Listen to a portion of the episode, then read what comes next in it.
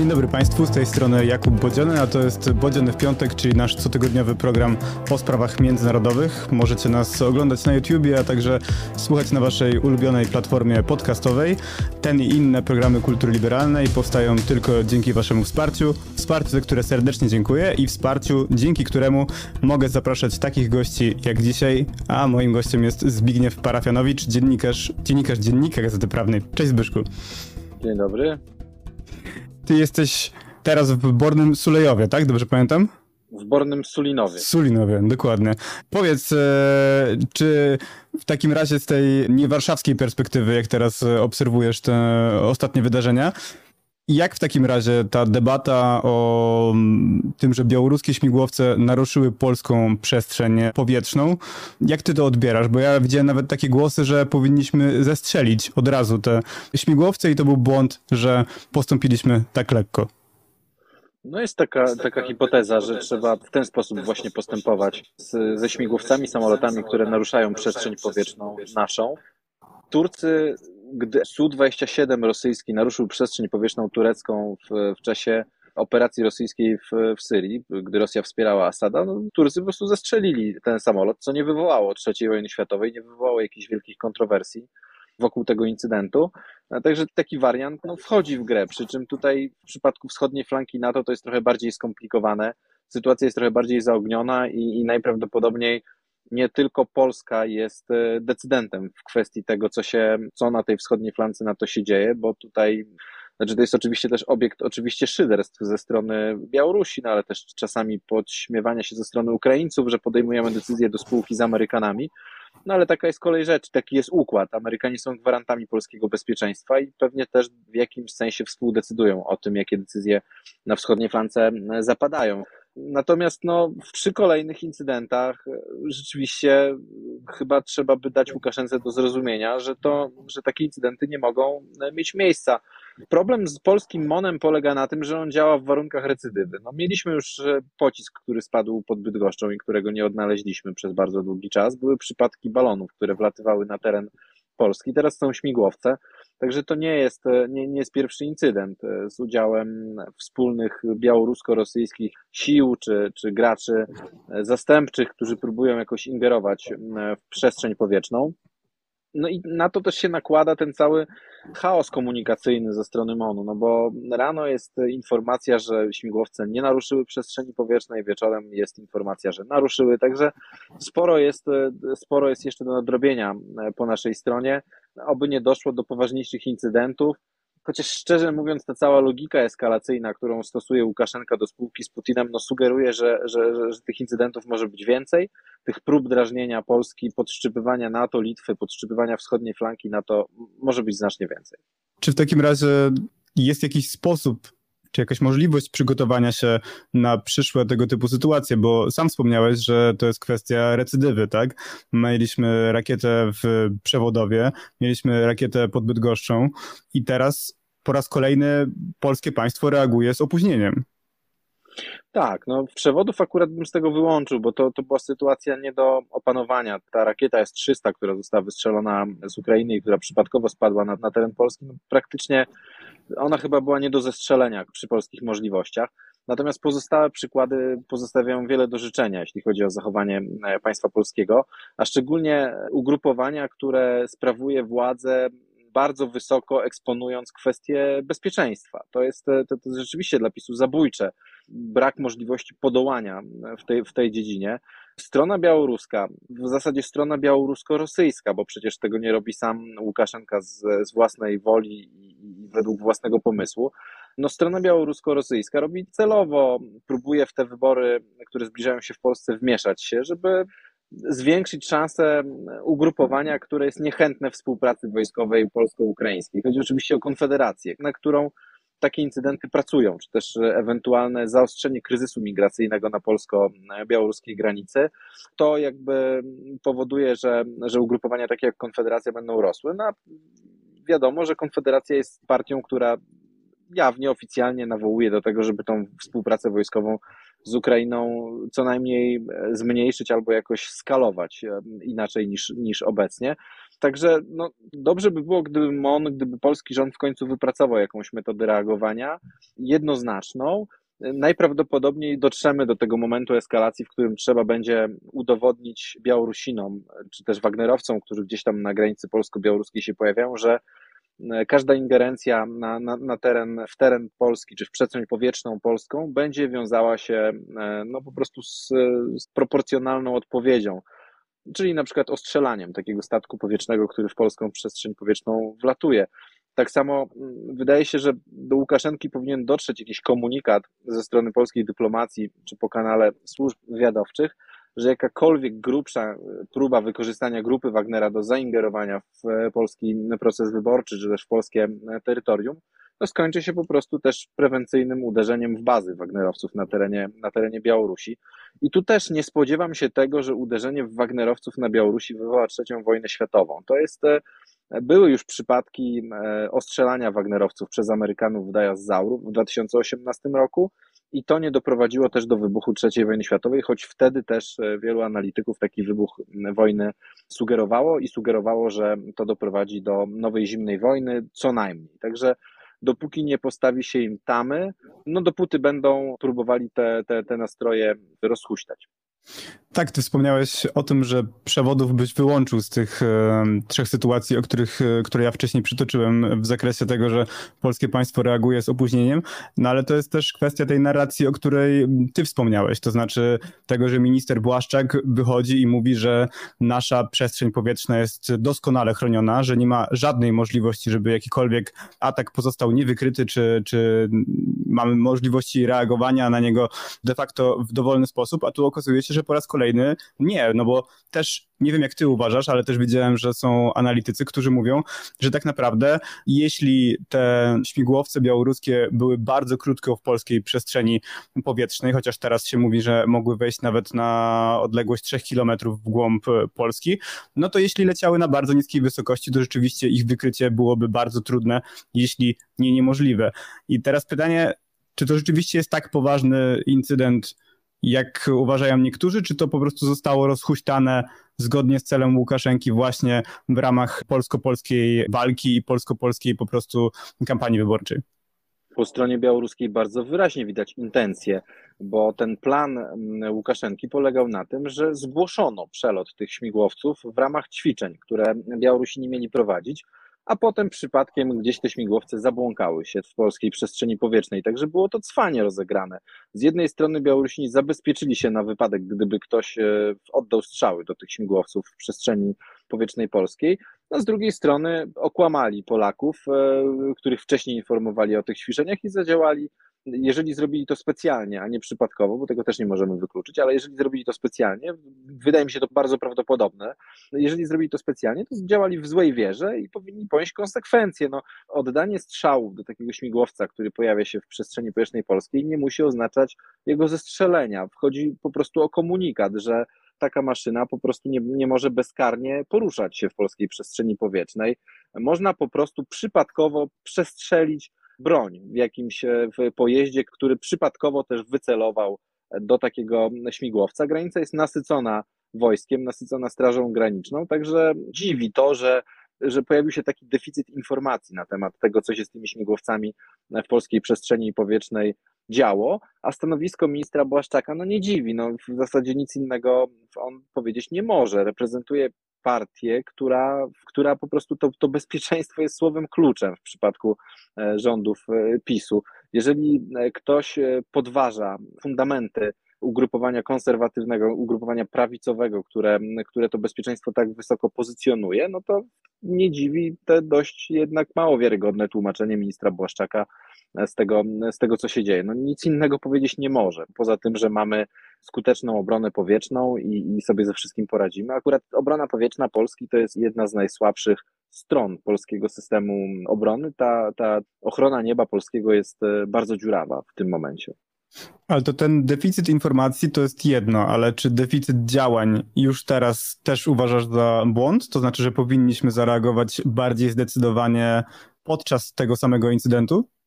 Jeśli tam nie było nikogo z przedstawicieli resortów siłowych w rejonie, gdzie te śmigłowce wleciały, to ciężko było zareagować. Na co najwyżej mógł ktoś oddać strzały z wiatrówki albo z flinty, którą chodzi polować na bażanty tam w, w rejonie Białowieży. Także to jest raczej problem tego, że po prostu nie było tam nikogo, kto mógłby zareagować na taki, na taki incydent.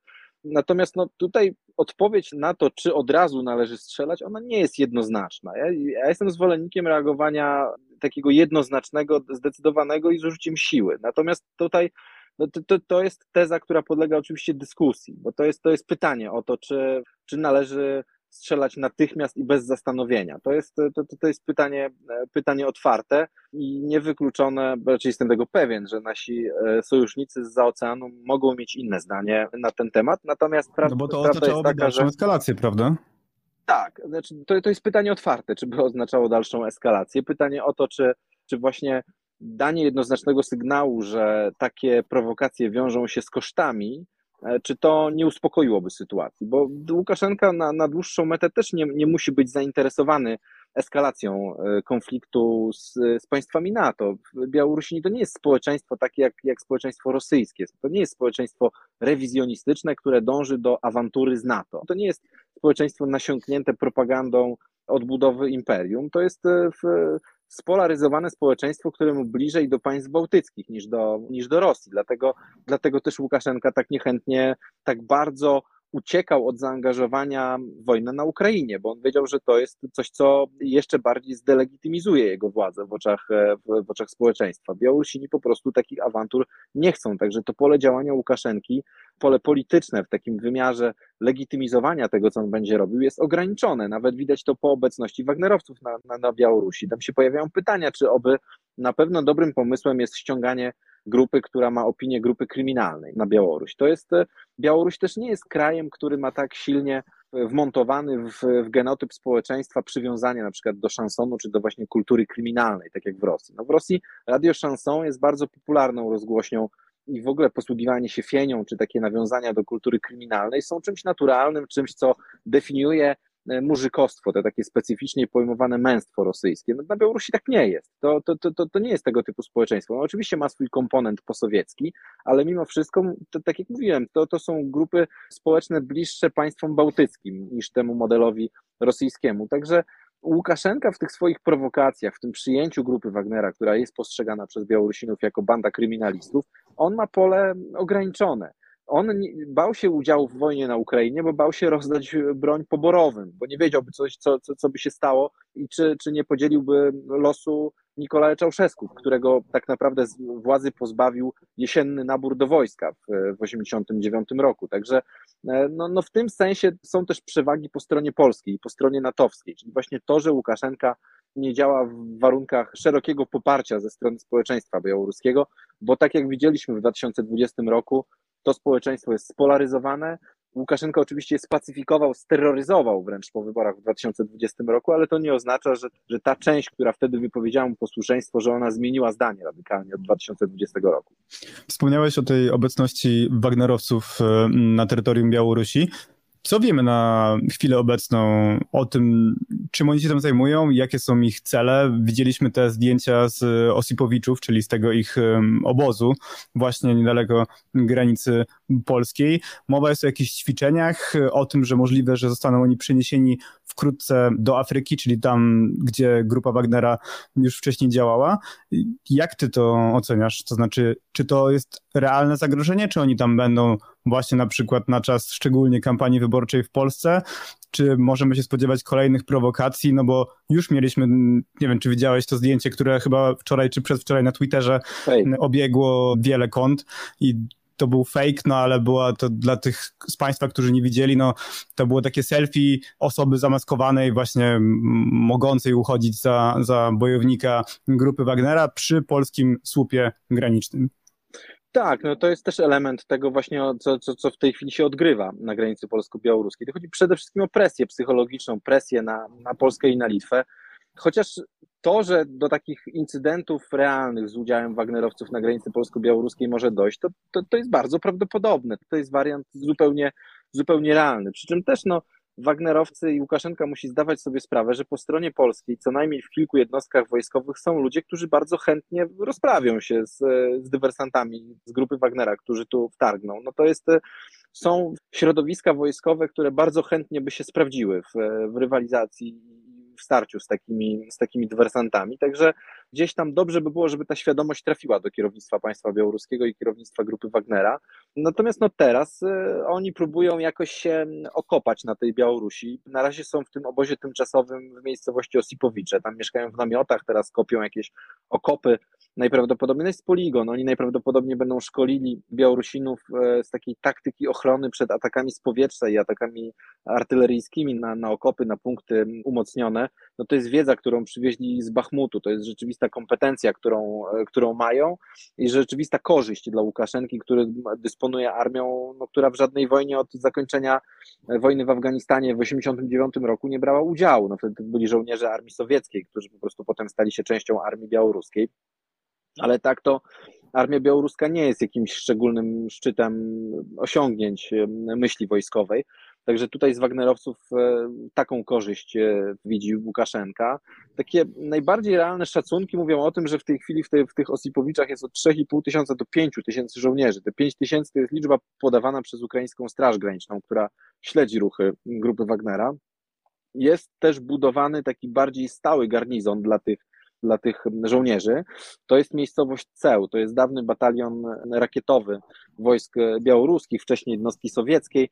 Tam są takie bloki podobne jak w Kłominok, czy też nawet w samym Bornym Sulinowie, bo Borne Sulinowo kiedyś było też garnizonem sowieckim do 1993 roku. I te, te odbudowywanie bloków e, według projektu Leningrad w miejscowości Ceł, one ma służyć, jak rozumiem, przezimowaniu Wagnerowców po prostu w tej miejscowości, ale jak się śledzi całościowo wszystko to, co dzieje się wokół grupy Wagnera, to wygląda na to, że co do zasady Wagnerowcy mają być wykorzystywani właśnie przede wszystkim w Afryce.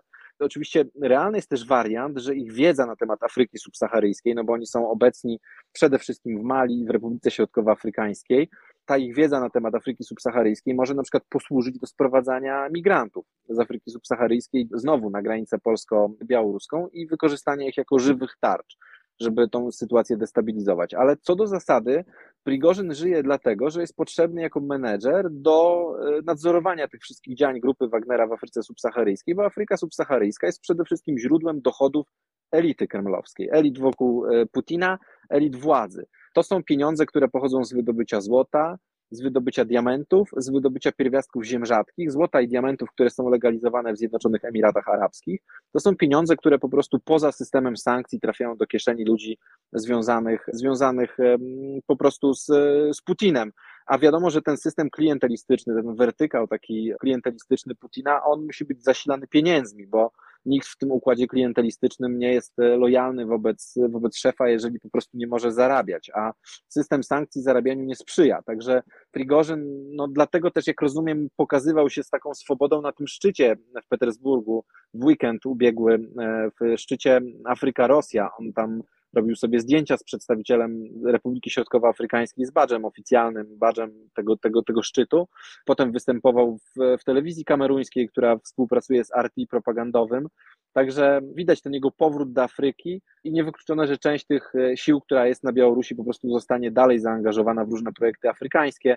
Teraz na przykład 29 lipca Wagnerowcy osłaniali referendum konstytucyjne w Republice Środkowoafrykańskiej, prezydent Tuadera, który jest sojusznikiem Rosji w RSA, przedłużył po prostu swoją władzę o kolejną kadencję. Jeszcze wyników ostatecznych nie znamy, ale w zasadzie cała technologia polityczna tego referendum, ona jest identyczna jak referendum, które przedłużyło władzę Putina w 2020 roku. Także tu też to, to nie jest wymiar tylko wojskowy. Jakby grupa Wagnera w Afryce Subsaharyjskiej działa jak kompania wschodnioindyjska. To jest firma, która ma kompetencje wojskowe, polityczne, administracyjne, medialne w bardzo wielu obszarach no a za to dostaje dostęp do bardzo bogatych złóż mineralnych, do złota, do wszystkiego tego, co jest potrzebne elicie kremlowskiej do tego, żeby móc zaopatrywać się e, w pieniądze, będąc e, równocześnie pod e, sankcjami. Także Prigorzyn jest, jest po prostu potrzebny. Był taki moment, kiedy Putin i ta elita wokół Szojgu, czyli najwięksi przeciwnicy, Szojgu jest y, największym przeciwnikiem Prigorzyna, próbowali dokonać rejderstwa na tych interesach Prigorzyna w Afryce subsaharyjskiej, ale jak się okazało, nie jest łatwo zastąpić menedżera e, z, z takim doświadczeniem i takiego cwaniaka jak Prigorzyn w zarządzaniu tym całym interesem. No okazuje się, że państwo rosyjskie zarządza tymi interesami w Afryce subsaharyjskiej tak samo jak wojną na Ukrainie, czyli, czyli źle nie udało się ani Gazpromowi, ani Ministerstwu Obrony utworzyć w szybkim tempie analogów grupy Wagnera i nie udało się po prostu tych interesów przejąć w zadowalający sposób. Stąd najprawdopodobniej stąd jest e, ta opcja nowego otwarcia dla, e, dla Prigorzyna, oczywiście bez zaufania, ale ze spełnianiem funkcji takiego skarbnika reżimu. Też no, to, że wywłaszczono go z mediów internetowych, którymi dysponował, świadczy o tym, że Putin jakby widzi go w roli bardziej e, tradycyjnej, tej, tej którą pełnił do tej pory, czyli w roli po prostu kogoś pomiędzy kucharzem a, a, a skarbnikiem reżimu. No to i tak wydaje mi się dużo dla niego, biorąc pod uwagę, że, że jednak udało mu się przeżyć. Przejdźmy proszę do, do drugiego tematu naszej rozmowy, bo tam też e, eskalacja, mam na myśli stosunki polsko-ukraińskie, może nie eskalacja, ale seria co najmniej dziwnych e, incydentów. Czy to jest tak, bo ja widzę dwie tezy a propos tego, co ostatnio się dzieje pomiędzy Warszawą a Kijowem i one się wydają dosyć e, skrajne. Mianowicie jedno to jest to, że Ukraina jest niewdzięczna wobec Polski za to, co robi i zachowuje się w sposób nieodpowiedni, a druga jest taka, że Warszawa po prostu nie potrafi prowadzić polityki zagranicznej, już szczególnie względem Kijowa i liczenie na wdzięczność to jest jakiś absurd, a szczególnie w stosunkach międzynarodowych. Czy do którejś z tych tez jest ci bliżej, czy raczej jesteś w zupełnie innym miejscu? Czyli ja mam wrażenie, że w ogóle kategoria wdzięczności w polityce międzynarodowej nie obowiązuje. Nie ma czegoś takiego jak docenianie, wdzięczność. To są kategorie bardzo takie iluzoryczne. No, w polityce zagranicznej albo się wypisuje weksle za współpracę, albo nie i potem jeśli się nie wypisuje, to nie ma się z tego tytułu korzyści się nie osiąga. A czy my wypisujemy weksle za współpracę z Ukrainą? Nie, nie wypisujemy, znaczy w zasadzie wypisywanie weksli za pomoc wojskową jest kontrowersyjne, bo tak naprawdę rzeczywiście Ukraińcy nie walczą za naszą wolność, oczywiście ani za naszą niepodległość. To jest argument bałamutny ze strony urzędników ukraińskich, nieprawdziwy. Natomiast Ukraińcy walcząc z Rosjanami osłabiają potencjał Rosji. Jeżeli walczą i zabijają w dużych liczbach Rosjan, to przyczyniają się do wzrostu bezpieczeństwa Polski. No i w tym sensie trzeba to, trzeba to uznać za fakt. Natomiast e, tu nie ma czegoś takiego jak wiązanie na przykład tematów historycznych czy zbożowych e, z, z, polityką bezpieczeństwa. Nie ma możliwości powiedzenia, jeżeli Ukraińcy na przykład nie postępują zgodnie z naszymi oczekiwaniami w polityce historycznej, to nie, nie, nie ma powiedzenia, że no, pas startowy w Rzeszowie wymaga remontu, musimy go na chwilę zamknąć i ta pomoc e, dla Ukrainy musi zostać przykręcona. Natomiast no, co do zasady, na pewno istnieją jakieś, jakieś instrumenty, jakieś mechanizmy, które które pozwalają uświadomić Ukraińcom, że jednak e, no, ten Rzeszów jest jakimś argumentem w stosunkach dwustronnych, przy czym chyba by było nierozsądne wiązanie w sposób taki oczywisty, prosty jednoznaczny, wiązanie polityki historycznej czy zbożowej z polityką bezpieczeństwa. Natomiast Ukraińcy też muszą sobie zdawać sprawę z tego, że, że, że Polska ma interesy swoje związane z polityką pamięci, czy interesy związane z, z, z rynkiem rolnym i nie powinni kwestionować tych interesów, tak jak to robią, w sposób bardzo brutalny, taki na granicy dobrego smaku, ale też i nierozsądny, jeśli chodzi o taką diagnozę polityczną, bo tu też, jeżeli Ukraińcy chcą doprowadzić do tego, że Polska otworzy rynek na produkty rolne ukraińskie, bo przecież o to chodzi, to, to istotą sprawy nie jest walka z głodem na globalnym południu, tylko w włożeniu nogi po prostu w jednolity rynek rolny unijny za pomocą właśnie tych porozumień, bo przecież tranzyt przez Polskę nadal jest legalny i nikt go nie kwestionuje. To, co jest kwestionowane, to dostęp do rynku środkowoeuropejskiego. Ale jeżeli Ukraińcy na siłę chcą rzeczywiście doprowadzić do tego, żeby ten rynek otworzyć i to przez presję Komisji Europejskiej, bo do tego to się teraz sprowadza, do po prostu rozmów ponad głowami Polaków z Komisją Europejską i z udziałem Niemiec e, i Francji, jeżeli chcą do tego doprowadzić, to muszą się liczyć z tym, że też grają na korzyść Konfederacji, przede wszystkim i na korzyść partii, które współpracy wojskowej e, z Ukrainą nie życzą sobie w takim stopniu, w jakim życzą sobie partie e, głównego nurtu, czyli opozycja i obecna e, partia rządząca. Także co do zasady uważam, że znacznie większą liczbę błędów i, i, takich niedorzecznych analiz, znacznie większa liczba takich niedorzecznych analiz jest po stronie, po stronie ukraińskiej w tym, w tym momencie i też pozytywnie oceniam zrobienie kroku do tyłu przez prezydenta Załęskiego wczoraj i przez szefa Rady Bezpieczeństwa Narodowego i Obrony przez pana Daniłowa. No tak, bo też przypomnijmy, to się de facto kolejna eskalacja tego sporu zaczęła się od wpisu na Twitterze premiera Ukrainy Denysa Szmychala, który porównał politykę polskiego rządu w sprawie właśnie kwestii zboża. Stwierdził, że jest populistyczna, używając argumentu, że przekazywanie potem następnie, a propos tego, że przekazywanie Ukrainie broni to, to jest inwestycja, bo Ukraina broni polskiego społeczeństwa i, i bezpieczeństwa regionu. No i mieliśmy też wezwanie właśnie ambasadora Polski w Kijowie, czyli Bartosza Cichockiego do ukraińskiego MSZ-u w reakcji na słowa prezydenckiego ministra Marcina Przydacza, który stwierdził, że Ukraina otrzymała duże wsparcie od Polski i tutaj cytat, warto by było, żeby zaczęła to doceniać, koniec cytatu.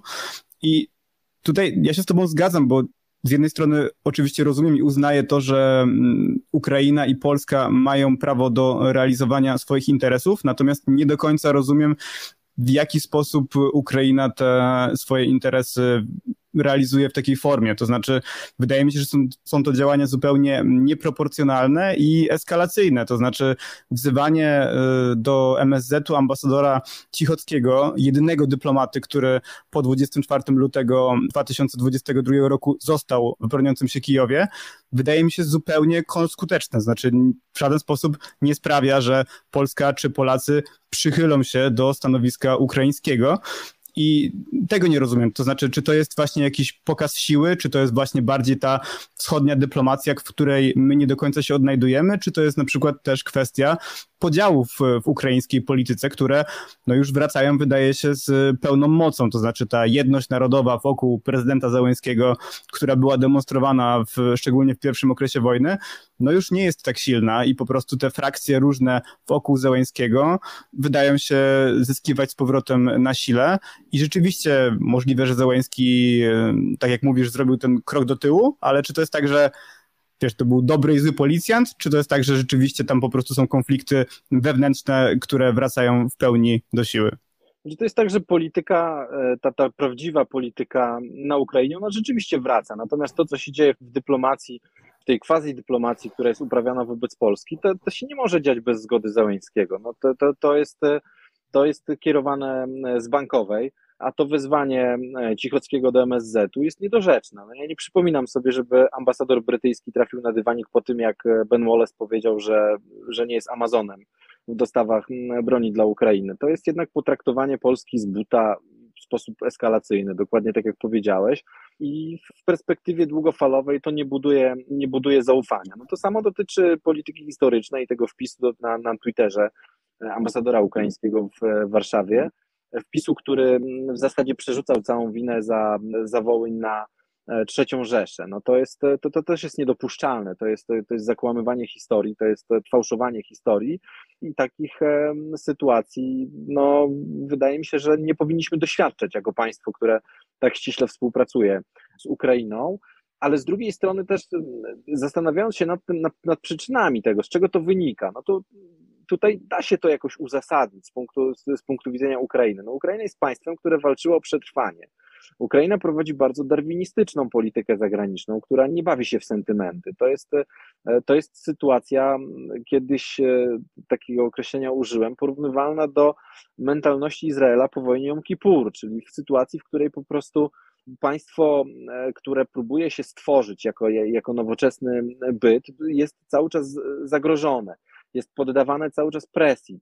Ukraina prowadziła chyba najdłuższą rewolucję w historii współczesnego świata, rozpoczętą w 2004 roku na Majdanie, czy nawet wcześniej, w 2003 roku akcją Ukraina bez kuczmy, a później pomarańczową rewolucją i Majdanem w 2014 roku. Później e, po 2014 roku musiała się zmierzyć z wojną z separatyzmem i z aneksją Krymu, a, po 24 lutego 2020 roku z inwazją na pełną skalę.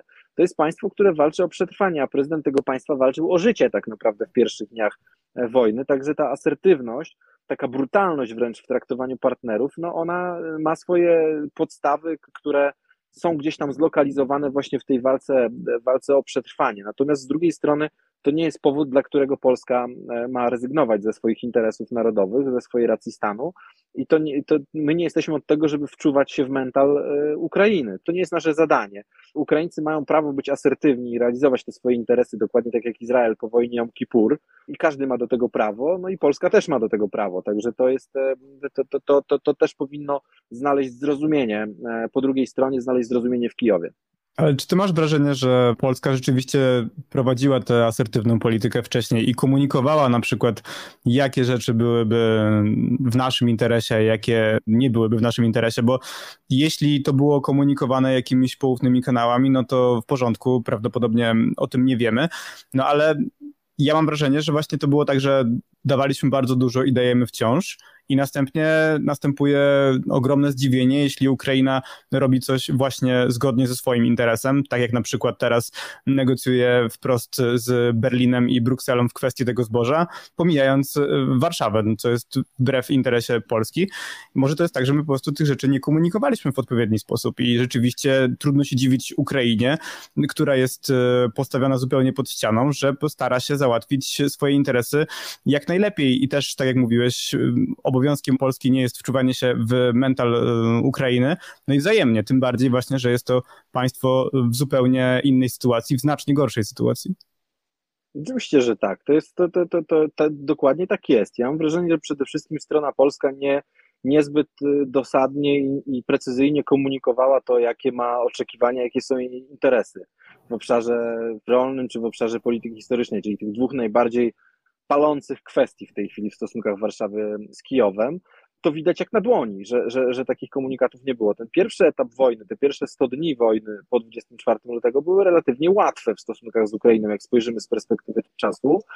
W tym sensie łatwe, że Polska głównie dawała. Jeżeli Polska dawała za darmo broń, przekazywała ją, przyjmowała uchodźców, no to no to byliśmy w takim karnawale miłości polsko-ukraińskiej. No ale w, w, sytuacji, gdy wojna staje się prozą życia, przechodzi z fazy wielkiej ekscytacji do fazy takiej codziennej nudy, powszechnej nudy wojennej, prozy, to trudniej te, te, te relacje kształtować. No i wtedy wymaga to znacznie większego profesjonalizmu i większego, większej jednoznaczności w komunikowaniu tego, czego w zasadzie polska dyplomacja i Polska jako państwo chce czego oczekuje od Ukrainy. Jeżeli nie będziemy tego robić jednoznacznie, no to nie należy się spodziewać, że Ukraińcy będą na siłę odczytywać nasze, nasze stanowisko. Ukraińcy jako Ukraina jako państwo, które prowadzi tą politykę zagraniczną wybitnie darwinistyczną, łącznie z celowanymi zabójstwami na terenie Federacji Rosyjskiej, jest państwem, które będzie wkładało, będzie wkładało tą nogę w drzwi do momentu, dopóki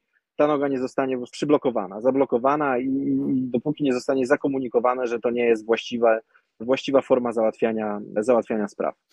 Ja pamiętam tą wypowiedź e, prezydenta Andrzeja Dudy, to akurat było podczas szczytu NATO w Wilnie, tego ostatniego. I tam prezydent powiedział coś takiego, że mm, Polska nie załatwia nic dla siebie, lecz dla NATO, wschodniej flanki sojuszu, a także dba o interesy Ukrainy.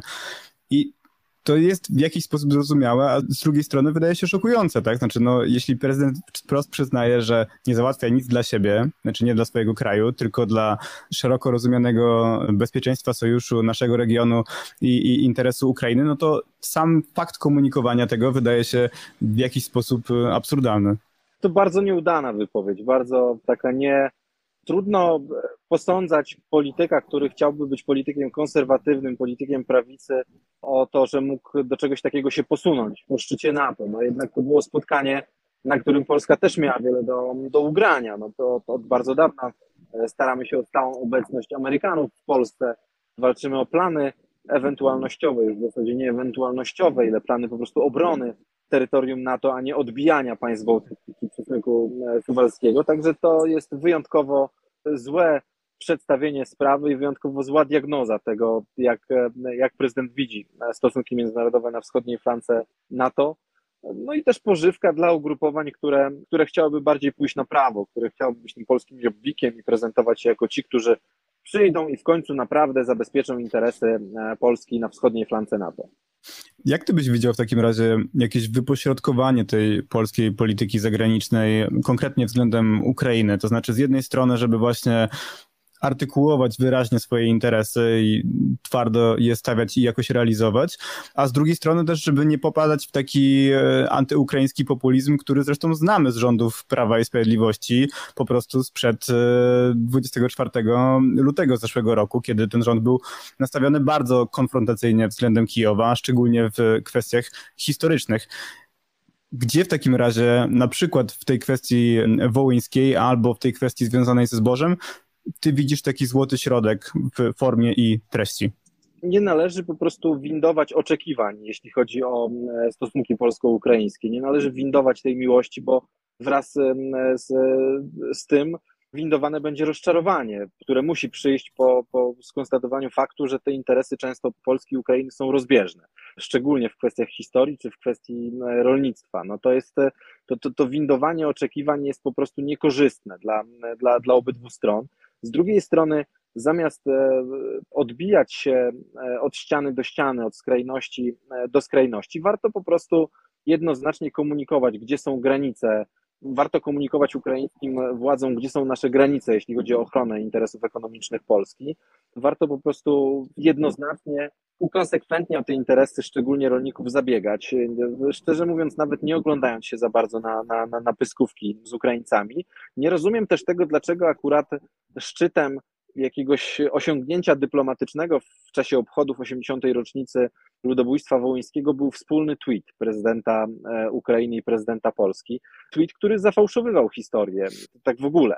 Nie rozumiem, dlaczego polska strona nie miałaby Tam rezerwować sobie... To jakieś to, to stwierdzenie a propos niewinnych ofiar Wołynia, tak? To znaczy tak, tak, tak. precyzujące, jest, o kogo chodziło, czego dotyczyła ta zbrodnia jakie były proporcje i, i, to było takie, wydaje mi się, jakby minimalna, ustalona wersja, którą mogły opublikować obie strony, ale ona była, no właśnie przez to, że nieodpowiednio wyartykułowana, to dalece niewystarczająco. Znaczy ten tweet nie musiał być wspólny. Przecież polska strona mogła zarezerwować sobie prawo do własnego stanowiska w tej sprawie i nie udawać, że szuka jakichś eufemizmów do opisu tego, co się 80 lat temu na Wołyniu wydarzyło. Także no, z jednej strony mamy próbę windowania oczekiwań, z drugiej odbijania się od, od ściany do ściany, a z trzeciej takiego braku jednoznacznego zdefiniowania, o co tak naprawdę w interesach e, z, z Ukrainą nam chodzi. E, dobrze by było, gdyby, gdyby to było precyzyjnie określone i zakomunikowane stronie ukraińskiej, żeby, żeby takich nieporozumień po prostu było jak najmniej. Z tym dzisiaj Państwa e, zostawimy. Moim gościem, moim Państwa gościem był dzisiaj Zbigniew Parafianowicz. Dziękuję Ci bardzo. Dziękuję.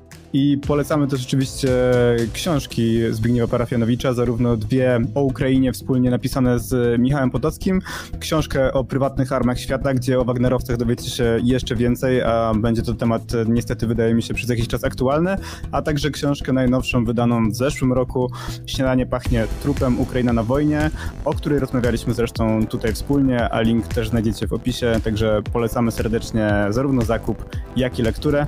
Dziękuję Ci Zbyszku raz jeszcze. Dziękuję. I widzimy się z Państwem za tydzień. Do usłyszenia i do zobaczenia.